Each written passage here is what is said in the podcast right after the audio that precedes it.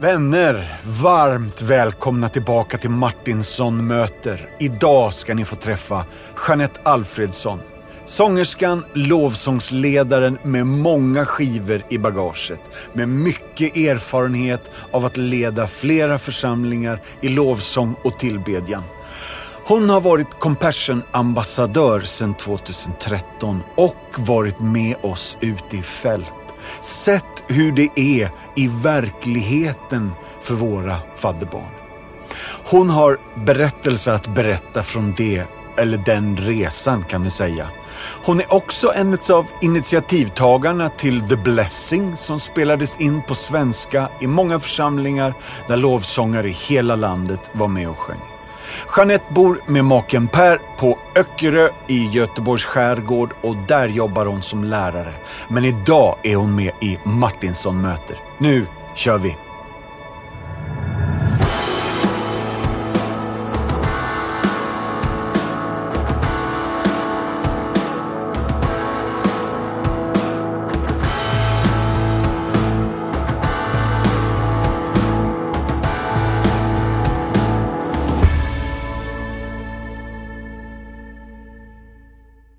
Välkommen hit Jeanette Alfredsson. Tack så mycket. Första gången i Martinsson möter. Ja, Är du beredd på fem snabba? eh, jag hoppas det. Ja.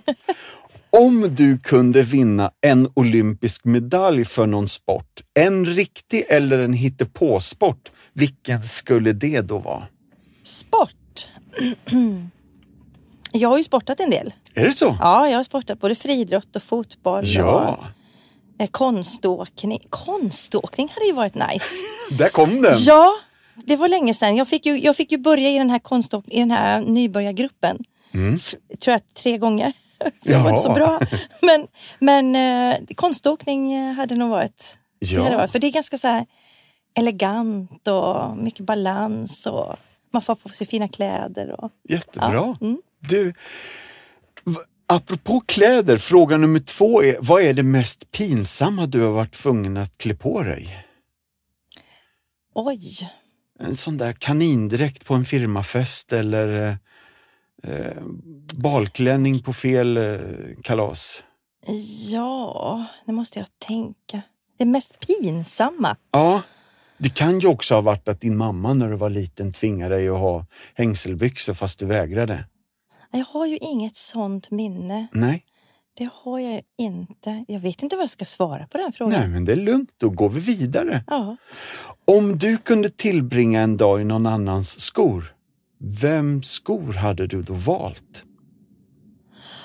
Du får välja vem du vill i Vem hela jag universum. vill. Vilka svåra frågor. Ja, men det är det som är kul. Ah, ehm, är någon annans? Och du tänker att man ska typ... eh, ja, ja. Ja. Ehm, vem skulle det vara? Eh, jag, först så tänker jag så här, det, tänk att vara tillsammans, eller tillsammans, i någon annans skor, i den personen som har någon slags möjlighet att göra någonting, förändra någonting. Så kan det ju vara. Ja, Och du får tänka helt fritt där, du får välja. det hade ju varit, det hade ju varit nice att vara i, eh, i, eh, i Samuel Ljungblads skor. Ja, Ja, och få liksom att, att få sjunga på lite olika ställen och med olika människor och duetter och symfoniorkestrar och små sammanhang och stora sammanhang. Alltså vara Samuel Ljungblad för en dag hade varit nice. jättefint. Ja. Fråga nummer fyra är, finns det någon del i någon barnfilm som har skrämt dig och vågar du berätta vilken? Till exempel kan jag erkänna medan du tänker att Ja. jag är lite rädd för de här soldaterna som vaktar Katla Ja. fortfarande. Ja, Mm. precis. Mm. De är jätteursliga. ja, de är verkligen. Mm. Verkligen. det, det är nog, alltså, ja. Eh, oj. Någon barnfilm. Alltså, man såg ju jättemycket barnfilm när barnen var små. Mm. Men då, då var man ju liksom vuxen så att då var det ju inte riktigt eh, eh, då man blev riktigt skraj. Och så. Och så, jo, alltså egentligen det är ju eh, skönheten och odjuret, vargarna. Ja. De är läskiga. De är ju superläskiga. I den tecknade? I den tecknade, den Ja. första tecknade. Ja. Ja. ja, i den tecknade. Den andra har jag, jag har inte sett någon annan. Nej, nej, nej. Men det finns väl någon med Emma Watson där? Ja, det gör jag. Ja, där Ja. är de flesta lite läbbiga. Men du, Men barn, för annars är film, då tycker jag ju orcherna i Sagan om ringen, de var jag ju livrädda för. Jag satt ju bokstavligen i Pers knä i biosalongen när orcherna kom. Det var fruktansvärt. ja. Ja. Men vargarna i Skönheten Ja, och odjuret var inte helt behagliga. Nej. Alltså. Nej. Sista av de första här nu då. Om du kunde dela en lång trerättersmiddag med fyra individer som är nu levande eller sedan länge döda, vilka skulle du då välja? Fyra stycken. Mm. Ehm, Carola. Ja, Carola skulle jag absolut vilja Vad ha. mysigt. Ja, och sitta och prata. Och hon har ju så otroligt mycket erfarenhet och historia och så hennes sätt att att nå människor med sin berättelse, alltså eh, liksom inte bara de som är inom kyrkan utan även utanför kyrkan. Mm. För att hon, hon är så naturlig, hon är som hon är. Eh, det hade varit fantastiskt. Carola. Eh, och jag, och, nu ska jag tänka, jag skulle nog vilja, min pappa, och nu kan jag börja gråta kanske. min pappa skulle jag nog vilja för att ehm, han, ehm, han drabbades av cancer och eh, han dog ganska snabbt. Det gick väldigt, väldigt snabbt. ja. Så att jag fick bara träffa honom de sista 12 timmarna innan han dog. Och då var det så här. Ah, det var så mycket som jag skulle vilja fråga honom om och be honom förklara om saker som jag undrade över och så här. Oj. Som jag, aldrig, som jag inte fick chansen för jag var inte riktigt beredd på att det skulle gå så fort. Nej. Så han skulle vilja ha. Men han gick ju bort då 2010. Mm. Ehm, mer? Åh, oh, det finns en, en, en, eh, en forskare och en författare som heter Brené Brown. Ja. Som har skrivit böcker. Mod att vara sårbar. Mm. Eh, eh, var en av hennes första. Hon har ju så otroligt, jag har lyssnat på ett TED-talk med henne. Jajamän. Hon har ju så otroligt mycket kunskap om detta med, med sårbarhet och Mm. försoning och våga vara operfekt. och någonting sånt där. Hon har skrivit en bok om det också. Just det. Så här, det hade varit intressant att prata med Ja. henne. Hennes böcker är utgivna på Libris förlag. Det finns ju många på Ah, svenska. Ja, jag visst. Ja. Jag, jag, har, jag tror att jag har tre böcker med henne. Ja, visst. De är ja, jättebra alltså.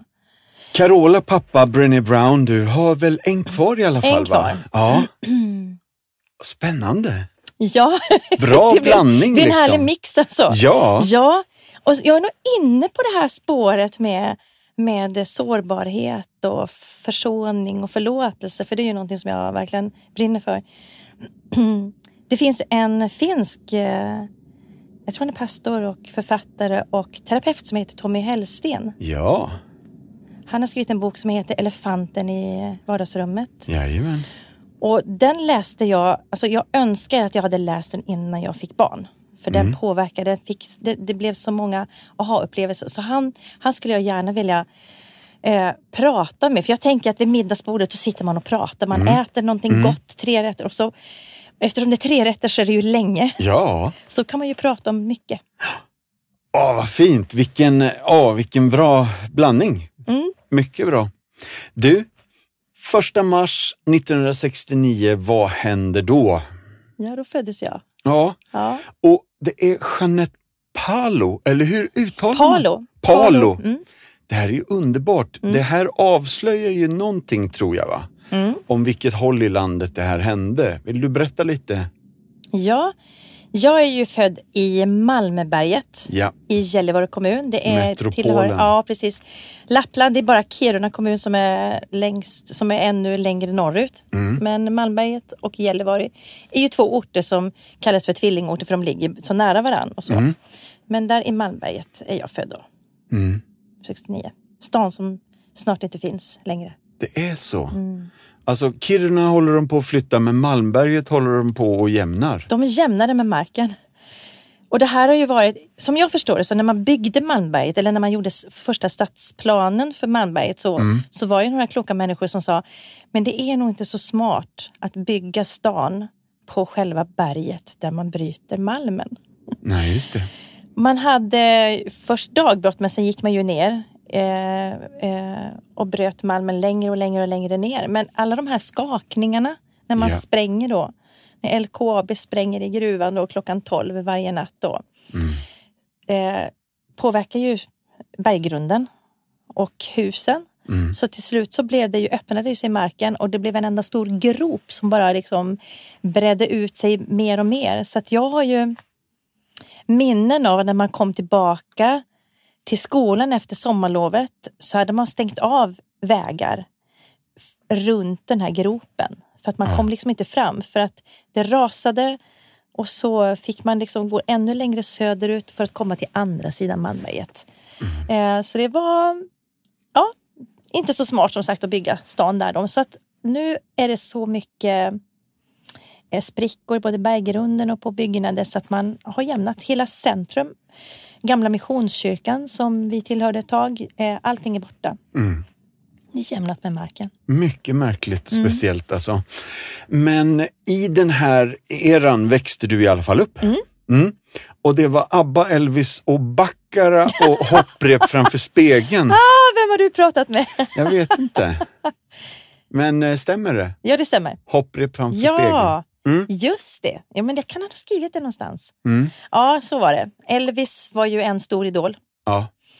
Eh, och ABBA eh, också. Ja. Och Baccara, alltså det var ju nämligen så här, det, var, det var ju en kort tid måste jag ju säga. ja, då, men, i det alla var fall. svängigt. Ja, ja, det var ju Yes Sir I Can Boogie. Ja, och jag visst. vet att jag tjatade och jag tjatade och jag tjatade på min morbror om att få hans kassettband med Baccara. För jag ville så gärna lyssna. Och till slut så gav han den till mig och så fick han ju köpa en egen ny då. Ja. Och så. Men, men det var det som var. Mm. ja. Men du, du har redan snuddat vid svärtan i att du ville bjuda din pappa till bordet. Mm. Men eh, jag har en notis som tar mig in i ett, ett litet barndomsmörker. Mm. Och det, jag säger en mening och så får vi se hur du, vad, vad du säger om den. Mm. Lillebror var tydligen ibland värd mindre än hunden. Mm. Ja. Det här leder oss in på lite bakgator i familjerna förstår jag. Ja, jag är ju uppvuxen i en ganska dysfunktionell familj i och med att min pappa var eh, eh, alkoholist. Mm. Han missbrukade alkohol. Det är liksom hela min barndom, alla barndomsminnen är förknippade med alkohol Ja. och missbruk och eh, jobbiga saker. Mm. Ångest och panik och ehm, och jag är ju ute och föreläser om detta och berättar det, så det är ju liksom ingen hemlighet så. Nej. Men, eh, och i min föreläsning så när jag berättar om mitt liv och min uppväxt så, så, så, sa, min, så berättade jag just det där när pappa, när han tyckte att, att min lillebror han, han var inte värd så mycket, till och med hunden var värd mer för han viftade ju ändå på svansen när pappa kom hem. Medan vi då som var hemma Oj, oj, oj. eh, tänkte att när pappa kommer hem då blir det fyllefest. Mm. Och det var inte så trevligt. Så, att, eh, så det var ju mer förknippat med... Om man tänker sig att när, om, om ens förälder är iväg och jobbar, för min pappa han hade ett jobb som gjorde att han reste ganska mycket över hela Sverige och satte upp eh, elstolpar, kraftledningsstolpar. Så han reste över hela Sverige och då var han borta på veckorna och kom hem på helgen. Så när han kom hem då så var, ju, var ju vi bara, tyckte det var jättejobbigt, jättetråkigt. Ja. Pappa skulle komma hem. Det klart, det var ju inte så kul känsla för honom för det kunde ju han läsa av. Ja. Men, eh, men det var ju tyvärr då väldigt mycket alkohol. Mm. Eh, och eh, jag brukar kalla det för psykisk misshandel för på det sättet som han det han sa eh, om både min mamma och min lillebror bland annat då. Mm. Så det är en del av min uppväxt. Just det. Mm. Och det här ledde så långt så att han höll på att bli av med jobbet va? Ja, han fick ju ultimatum från sin arbetsgivare för att ja, han fick ju inte... Eller det gick ganska långt, alltså han lyckades ju klara av jobbet ändå, Ja. ganska mycket. Men till slut så fick han ett ultimatum att eh, gå på behandling eller, eller så får han helt enkelt sluta. Ja. Så han, han gick på behandling två gånger, vid två tillfällen med, eh, på det här tolvstegsprogrammet då, Minnesota-modellen. Just det. Mm. Och genom hela barndomen så sjöng du. Mm. Och det var det någon ventil? Ja, jag, alltså jag har tänkt jättemycket på det där för att jag, jag på något sätt, jag, jag minns ju min barndom också som en, en tid med väldigt mycket musik. För pappa älskade att sjunga Mm. och spelade mycket musik. Och jag tror att det var i musiken som nådde vi varandra. Där var ju, då var ju pappa glad och då, var det, Ja. då kunde vi liksom sjunga ihop och vi sjöng eh, Elvis tillsammans till exempel. Och, så det var ju en, eh, en, en bild där det var väldigt mycket glädje och där jag såg honom glad och det var liksom en, en annan bild av pappa. Mm. Så det var, jag har alltid sjungit brukar jag säga. Det, på något sätt musiken och sången har alltid funnits med. Mm. Ja, häftigt. Mm. Och det var Svenska kyrkan, det var barnkör, det var ungdomskör, det var talangtävlingar. Ja, Det var precis. årets artist i kommunen Yes. och sen tror jag någonstans, jag tror att det är på gymnasiet då du Mm. har en musiklärare som hör dig sjunga. Och sen tror jag att du hamnar på någon julfest i någon pingstkyrka. Mm, stämmer. Är det så? Ja, det stämmer. Ja, Precis. Men kör här då. Ja, ja men jag, min, min musiklärare på gymnasiet var pastorsfru också i pingstförsamlingen Ja. i då. Eh, Gerd. Eh, och, eh, Och då är det Gerd Pettersson ja, som har gjort så många precis. skivor. Ja, precis. Så, så hon bjöd in mig till en julfest hon skulle ha till pingst, i Pingstkyrkan då, Mm. i Gällivare. Och, och jag, alltså vi var ju inte, det var ju inte någon religiös eller kristet hem och sådär och pingstvänner, de var ju lite suspekta tänkte man ju. Att, Ja, vad, vad är ja. det för människor? Så här. Och man hade ju hört massa stories om att de talade i tungor och klättrade på väggarna ungefär. Så Mm. att, så här, men jag tänkte, ja men alltså att sjunga på en julfest kan ju ändå inte vara så farligt. Då sjunger de ändå julsånger. Just Då det. vet man, det, när man är lite safe. Ja. Så. Och jag älskar att sjunga och tyckte Ja. det var skoj. Så då, då bjöd hon in mig på den där julfesten. Mm. Och så fick jag ju sjunga. Jag kommer inte ihåg, vad, jag kommer inte ihåg vilken sång jag sjöng. Nej. Men eh, då hände det någonting. Vad? Ja, för att då, då hade de en kör, deras kör där. På slutet av julfesten så gick de upp och så sjöng de en lovsång. Mm. Och när de sjöng den där lovsången, det var en väldigt enkel sång och så här, så hände det någonting i mig.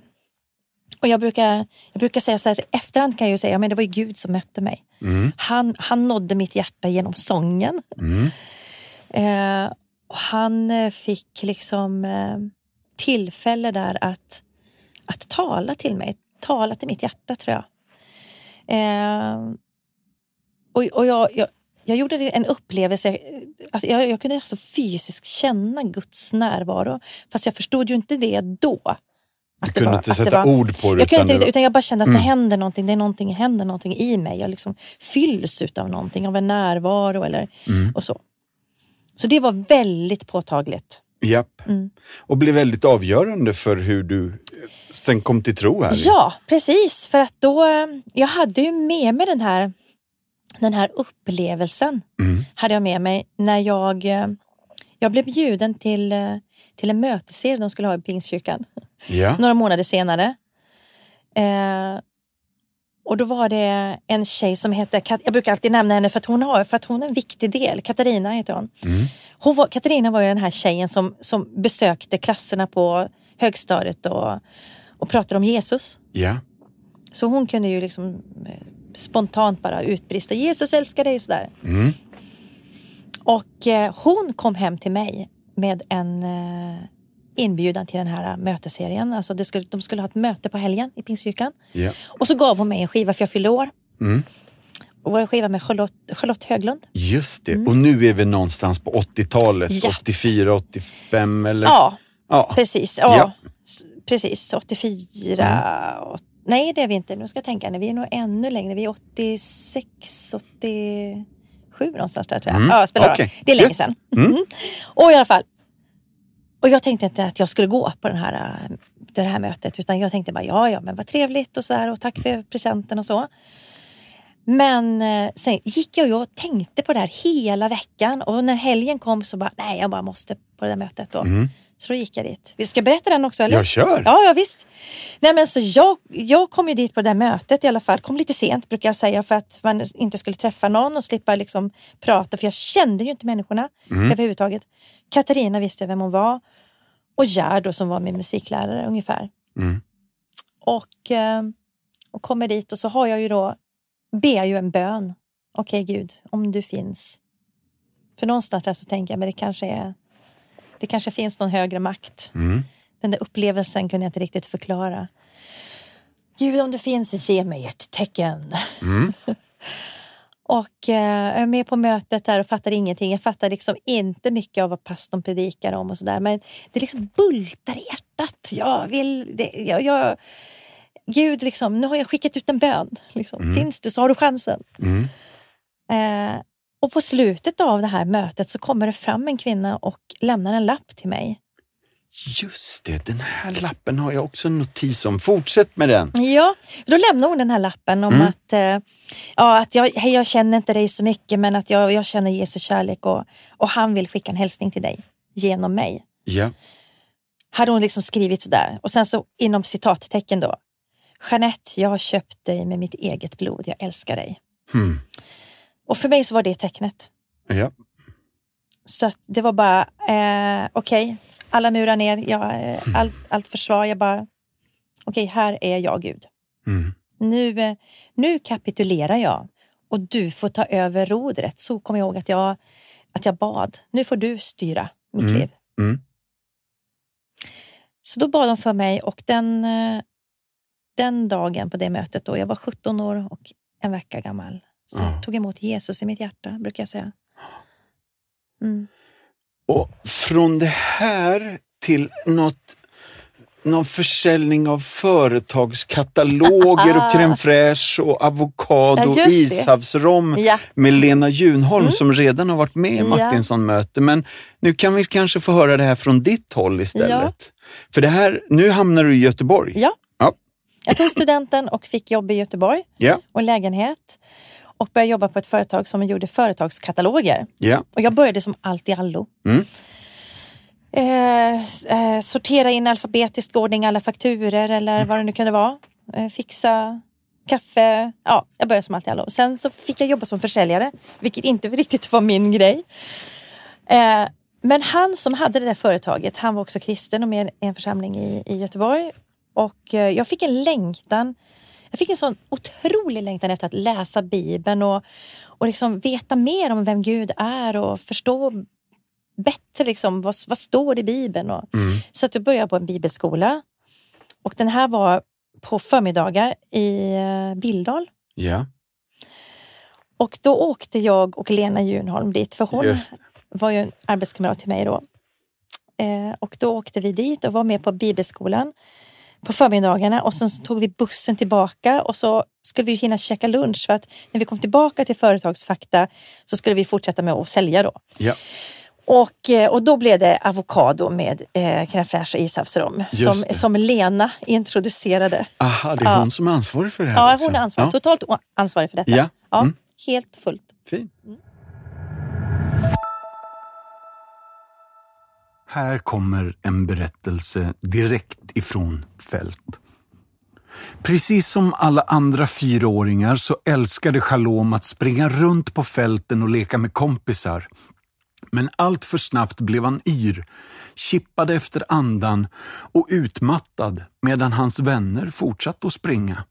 Han väntade på att känslan skulle gå över, men det gjorde den aldrig.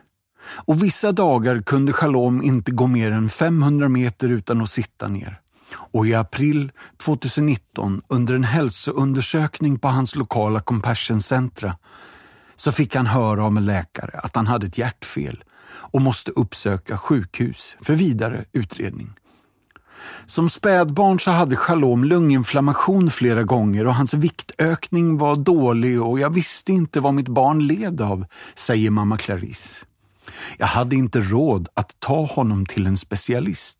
Så det var först efter att han registrerades i Compassion som jag fick reda på varför min lilla pojke alltid var så sjuk. Och efter många tester kom utlåtandet från läkaren i Rwanda att Shalom hade ett allvarligt hjärtfel. Shalom och hans mamma levde för sig själva och det var i stor fattigdom. Så det fanns alltså inget sätt för Clarisse att kunna betala för kostnaderna för att kunna reparera sin sons hjärta. Särskilt när hon fick veta att inget sjukhus i hela Rwanda kunde göra operationen och att hennes lilla pojke skulle behöva åka ända till Indien för en behandling. Genom Guds nåd kunde Compassion vara där och hjälpa.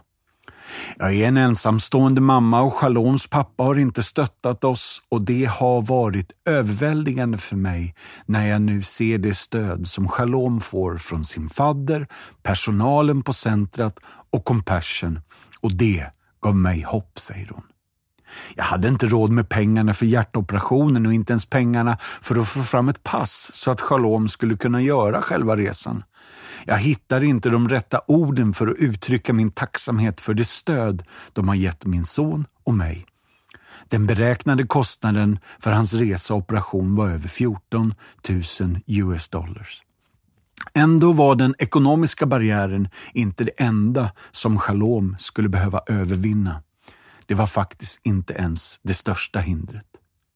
Kirurgi i en global pandemi. I april 2021 hade miljontals människor i Indien testat positivt med covid-19 och sjukhusen kämpade för att hänga med. Det var in i denna skrämmande situation som Shalom flögs med Emanuel, hälsoarbetaren från hans Compassion Centra. De landade den 7 april 2021. På grund av covid så blev hans operation planerad till den 22 april. Och när dagen äntligen kom så grep han Emanuels hand när sjuksköterskorna förberedde honom för operationen. Och där fick de säga hejdå. Följande dag testades Emanuel positiv med covid-19 och var tvungen att isoleras.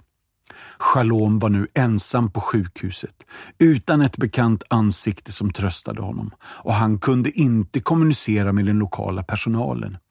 Det här var tufft för oss, säger Emanuel. Shalom kunde bara kommunicera med mig och på sitt eget språk, så när han var på återhämtningen då fick vi ringa videosamtal för att kunna kommunicera med alla sköterskorna vad han ville eller hur han mådde efter operationen. Och utöver detta så saknade han ju sin mamma hemma i Rwanda. När dagarna blev veckor var Clarice utom sig av oro. Emanuel försökte hålla henne uppdaterad så gott han kunde med återhämtning och hans egen kamp mot viruset. Jag fick äntligen träffa Shalom igen den 5 maj 2021 och vi skrevs ut från sjukhuset två dagar senare. När vi kom tillbaka till Kigali så sattes vi i karantän i sju dagar och vi tillbringade över en månad i Indien, vilket inte alls var den ursprungliga planen, säger Shalom. Mamma Clarice hade blivit sjuk av oro och fick läggas in på sjukhus. Men det var svårt att sätta ord på glädjen jag kände, säger hon själv, när hon såg sin son komma hem igen frisk och glad. Och hon säger, jag tackar Gud varje dag. Den glada Shalom visar upp sitt är och han berättar om sitt äventyr till Indien och hur det kändes att resa med ett flygplan för första gången. Vi reste på natten från Kigali, vi nådde Indien tidigt på morgonen. Vi åkte till sjukhuset och jag fick sprutor i armen. Vissa gjorde ont, men andra inte. Jag är glad att jag mår bra nu, att jag fick komma hem igen till mamma. Jag har saknat henne så, säger Shalom.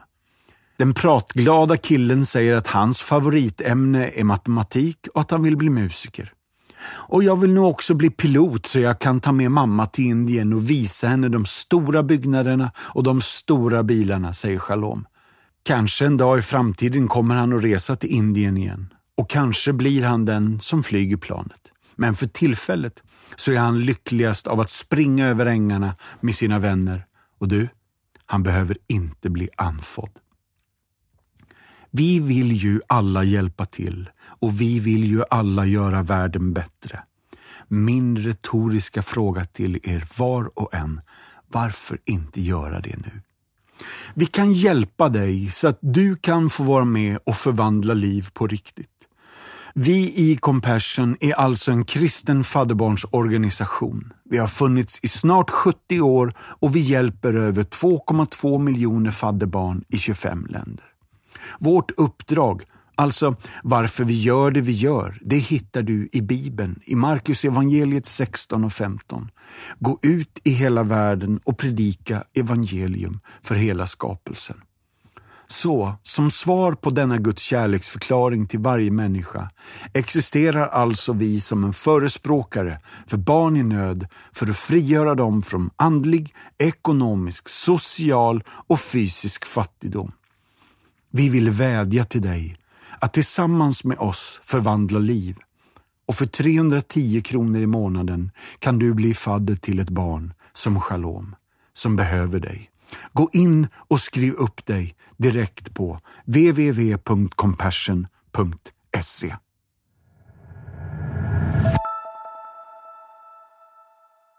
Och någonstans efter det här så tror jag att du hamnar på ranchen utanför Los Angeles Ja. och bibelskola där också. Japp. Har du träffat Per då? Ja, Mm. vi var ju nygifta. Aha. Mm. Då måste du ge oss lite årstider, höll. Ja, det här, vi gifte oss 1990 ah. i Göteborg.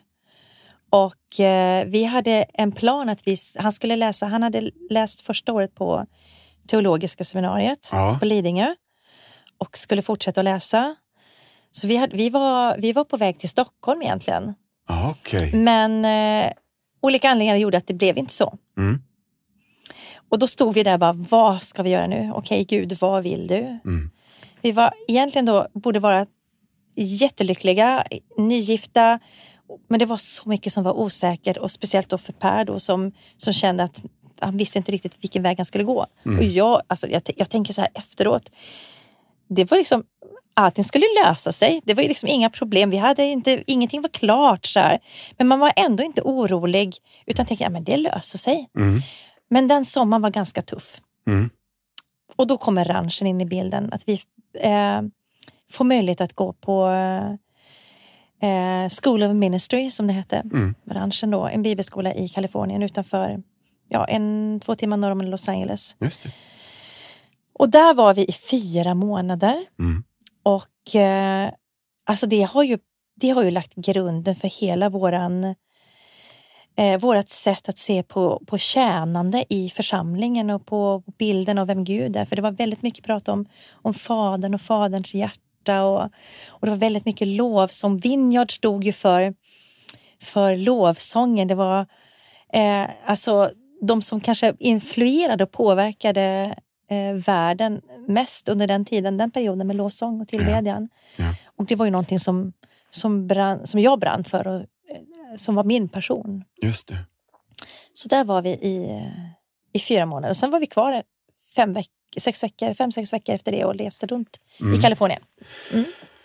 Och jag, nu kan inte jag års eh, ringarna här, säga, men Norrland någonstans efter det då, Mm. eller? Ja. Ja, men precis. Mm. Och då när man har gått på ranchen, då känner man man bara längtar efter att få, få finnas med i ett sammanhang, en församling där man kan få tjäna. Och eh, vi bodde ju i Göteborg, men upplevde att eh, Gud kallade oss tillbaka till eh, Malmberget. Och, eh, och det är ganska lustigt därför att när jag lämnade Malmberget då och flyttade ner till Göteborg så sa jag, jag kommer aldrig flytta tillbaka. Fanns liksom inte på kartan. Mm. Jag ville inte, jag var bara, åh skönt att få komma någon annanstans. Men det blev Malmberget igen då, så där så, så började vi som eh, egentligen, jag började läsa till lärare. Mm. Jag läste på distans Mm. där. Eh, gjorde min lärarutbildning eh, eh, i Luleå då. Och eh, Per blev till slut då pastor, och vi blev pastorspar där i Malmberget. Då. Mm. Just det.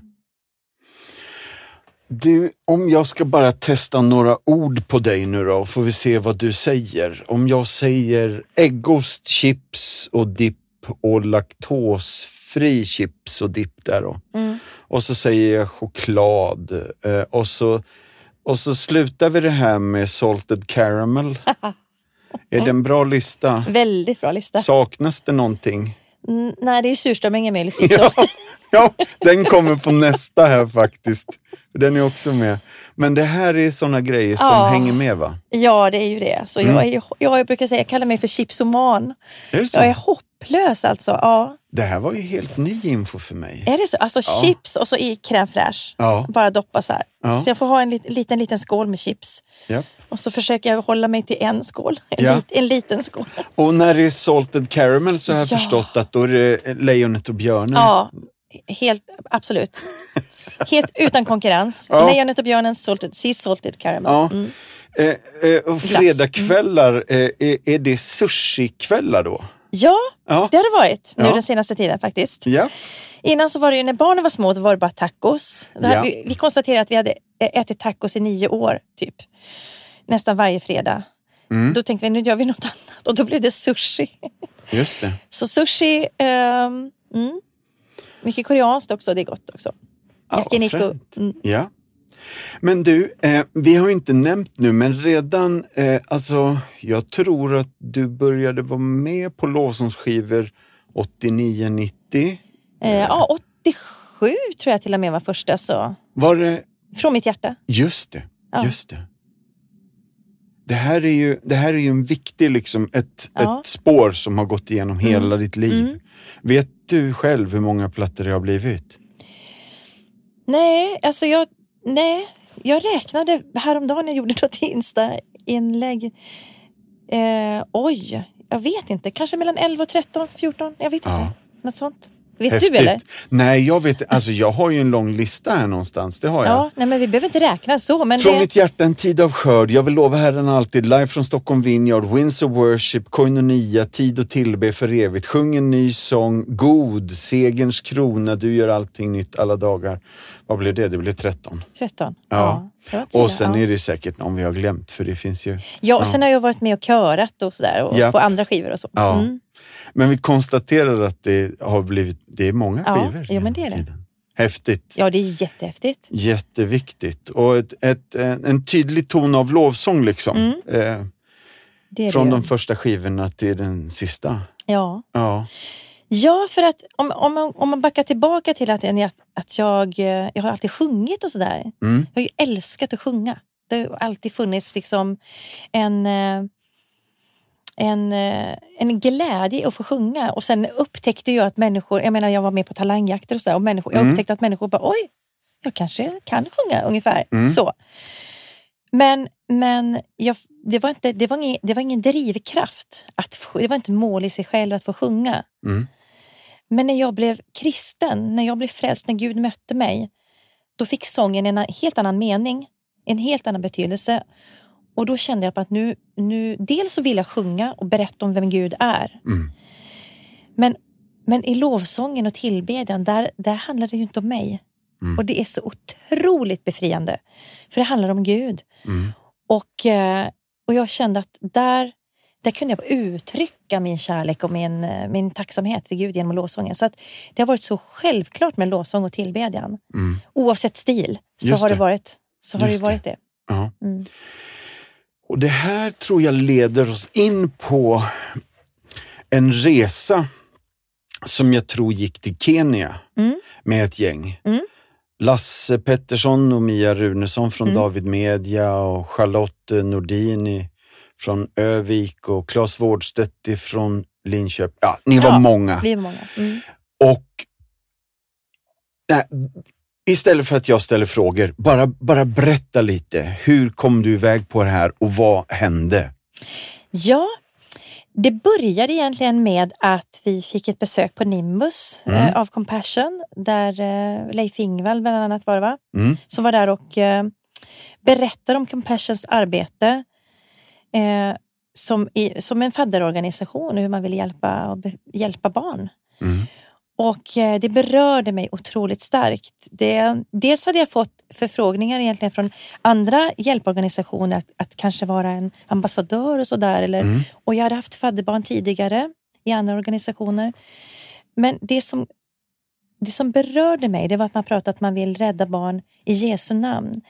Det handlar inte bara om en social hjälp och en, och en eh, Humanitär ekonomisk hjälp. och Nej, humanitär det. hjälp utan det Mm. handlar om en andlig, alltså på något sätt att hjälpa dem andligt också. Ja.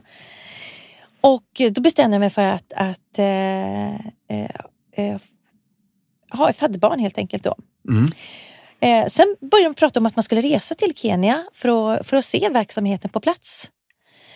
Eh, och då tänkte jag, det, det är ju inte sant. Då får jag ju chans att, att träffa liksom, mitt fadderbarn. För det var, det var verkligen så att jag skulle få chans att träffa mitt fadderbarn. Så att i augusti 2014 så åkte vi dit, det här gänget. Och ett, ett stort gäng från Sverige och några från Norge. Och eh, fick se hur, hur Compassion arbetade på plats. Just det. Och så fick jag ju möta Ian då. Eh, vårt fadderbarn. Är det ert var fadderbarn? Ian? Mm, Ian ja. Ja. Som vi hade sedan 2000... ja, Det måste vara 13 då. Ja. Det är ju en lång resa. Ja, det är en Inte lång bara resa. att åka dit, men utan ni har liksom följt honom här nu va? Ja, precis. Och då fick jag ju träffa honom där och hans mamma och hans lilla syster. Ja. Och eh, det var stort och så. Vi hade liksom en, en, en förmiddag eller en halv dag på något sätt där vi fick umgås och sådär. Och, och han, det, var ju, det var inte så lätt att kommunicera språk alltså med, med engelska. Han kunde ju inte det. Men, men däremot så fick man leka lite och man fick eh, eh, försöka få kontakt och Ja. så här. Och sen var det väldigt, väldigt stort också att se hur Compassion arbetar på plats då. Inte bara med barn utan med mammor. Hur man hjälper mammor att, att försörja sig. Och, Ah, jag tänkte på mödravård, Ja, men det var... nej, det var... jag, nej hur, man, hur man kan stötta dem att eh, oftast i familjerna så är det kanske mannen som åker iväg och arbetar och så. Och så och hon, som vi träffade, jag kommer inte ihåg vad hon hette nu, det var så länge sedan. Men för hon berättade tidigare så gjorde inte jag så mycket annat än när jag träffade de andra kvinnorna i byn och så satt vi och skvallrade.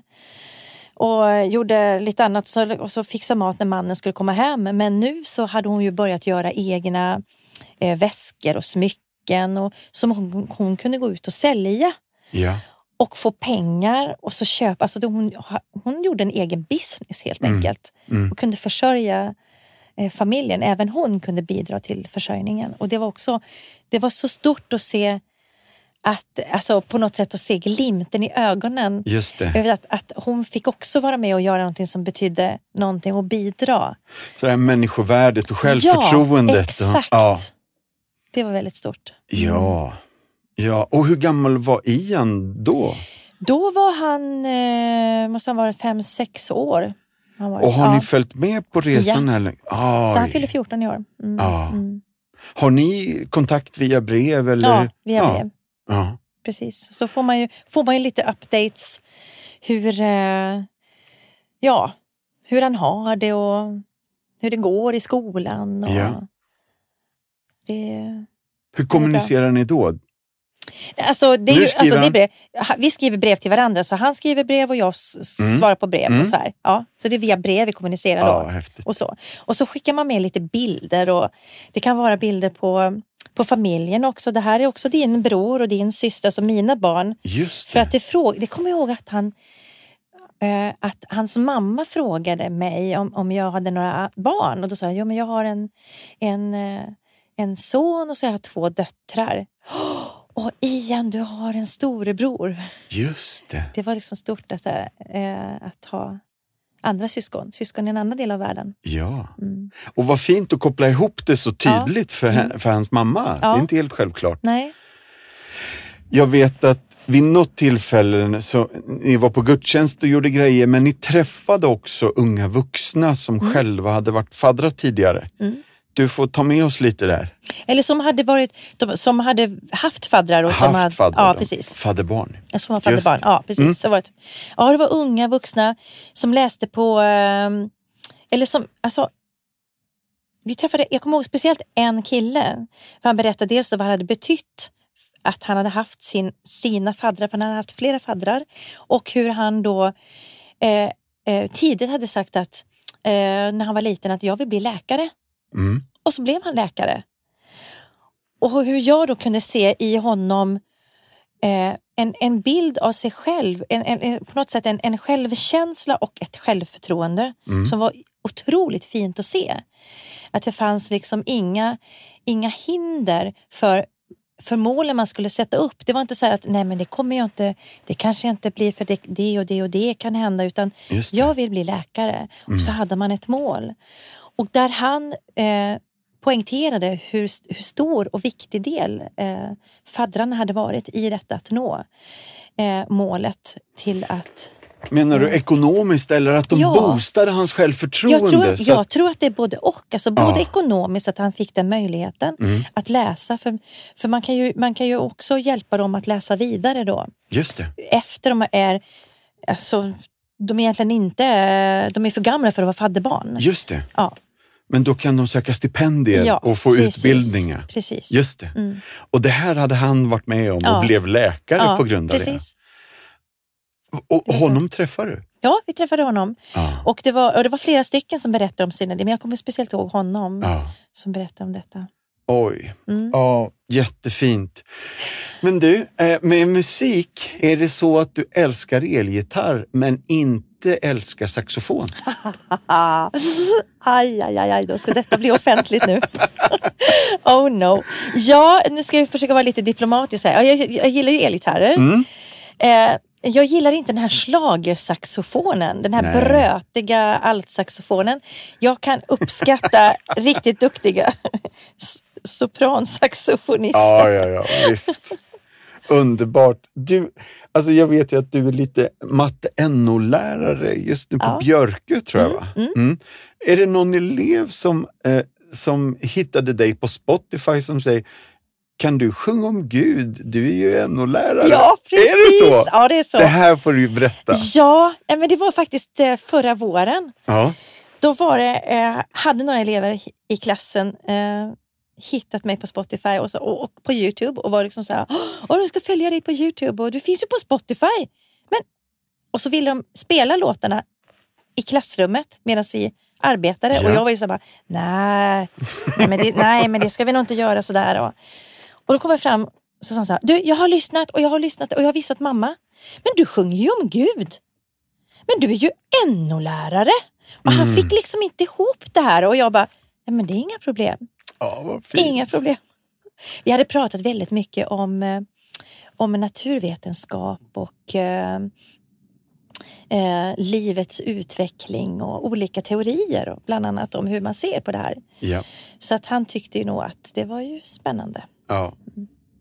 Då ska vi gå ner för landning Mm. och eh, innan jag tackar och säger slut för idag och tack för idag så bara Jeanette, du har själv varit fadder i snart tio år.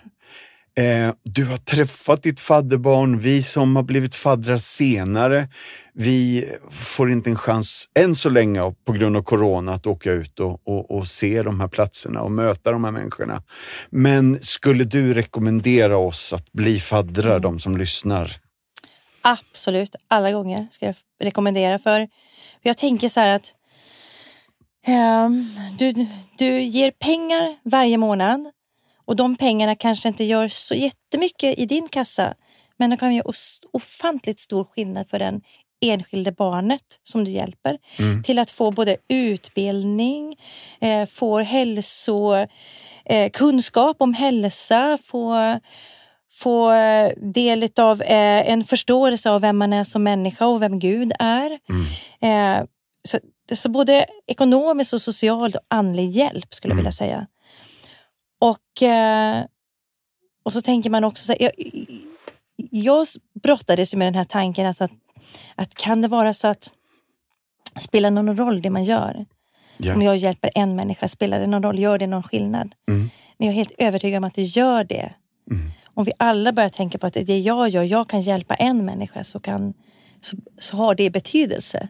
Mm. Om alla tänker så så blir det ju mycket, eller Japp, hur? Det är bra. Ja.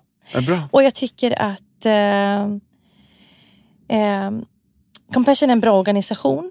Den Mm. har funnits med ett tag. Eh, man behöver inte bara ha ett fadderbarn, man kan ha fler fadderbarn. Det vet jag att det är många som Ja. har också. Ja. Så ja, jag skulle absolut rekommendera. Ja. Ah, vad spännande. Jag som själv har jobbat med Compassion några år nu, jag, det kliar ju i fingrarna på att få åka ut i fält. Jag håller tummarna och knäpper mina händer och bara liksom längtar ut och få möta de här som man har haft jag. lite kontakt med nu. Det, för det ger verkligen en, en ännu större bild av arbetet och Ja.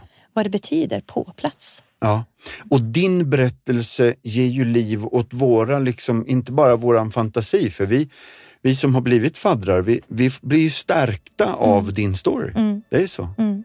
Och sen, och sen vill jag lägga till det här alltså, att du ger pengar. Men det, det är ju en del. Det är ju en del. Sen så, du, du kan ju få betyda någonting för en annan människa också bara genom kontakten Mm. som man har. Det är inte så att du bara skickar ut pengar ut i det tomma intet och sen vet du inte. Utan du, du får ju svar svart på vitt. Hur det hjälper Mm. det barnet.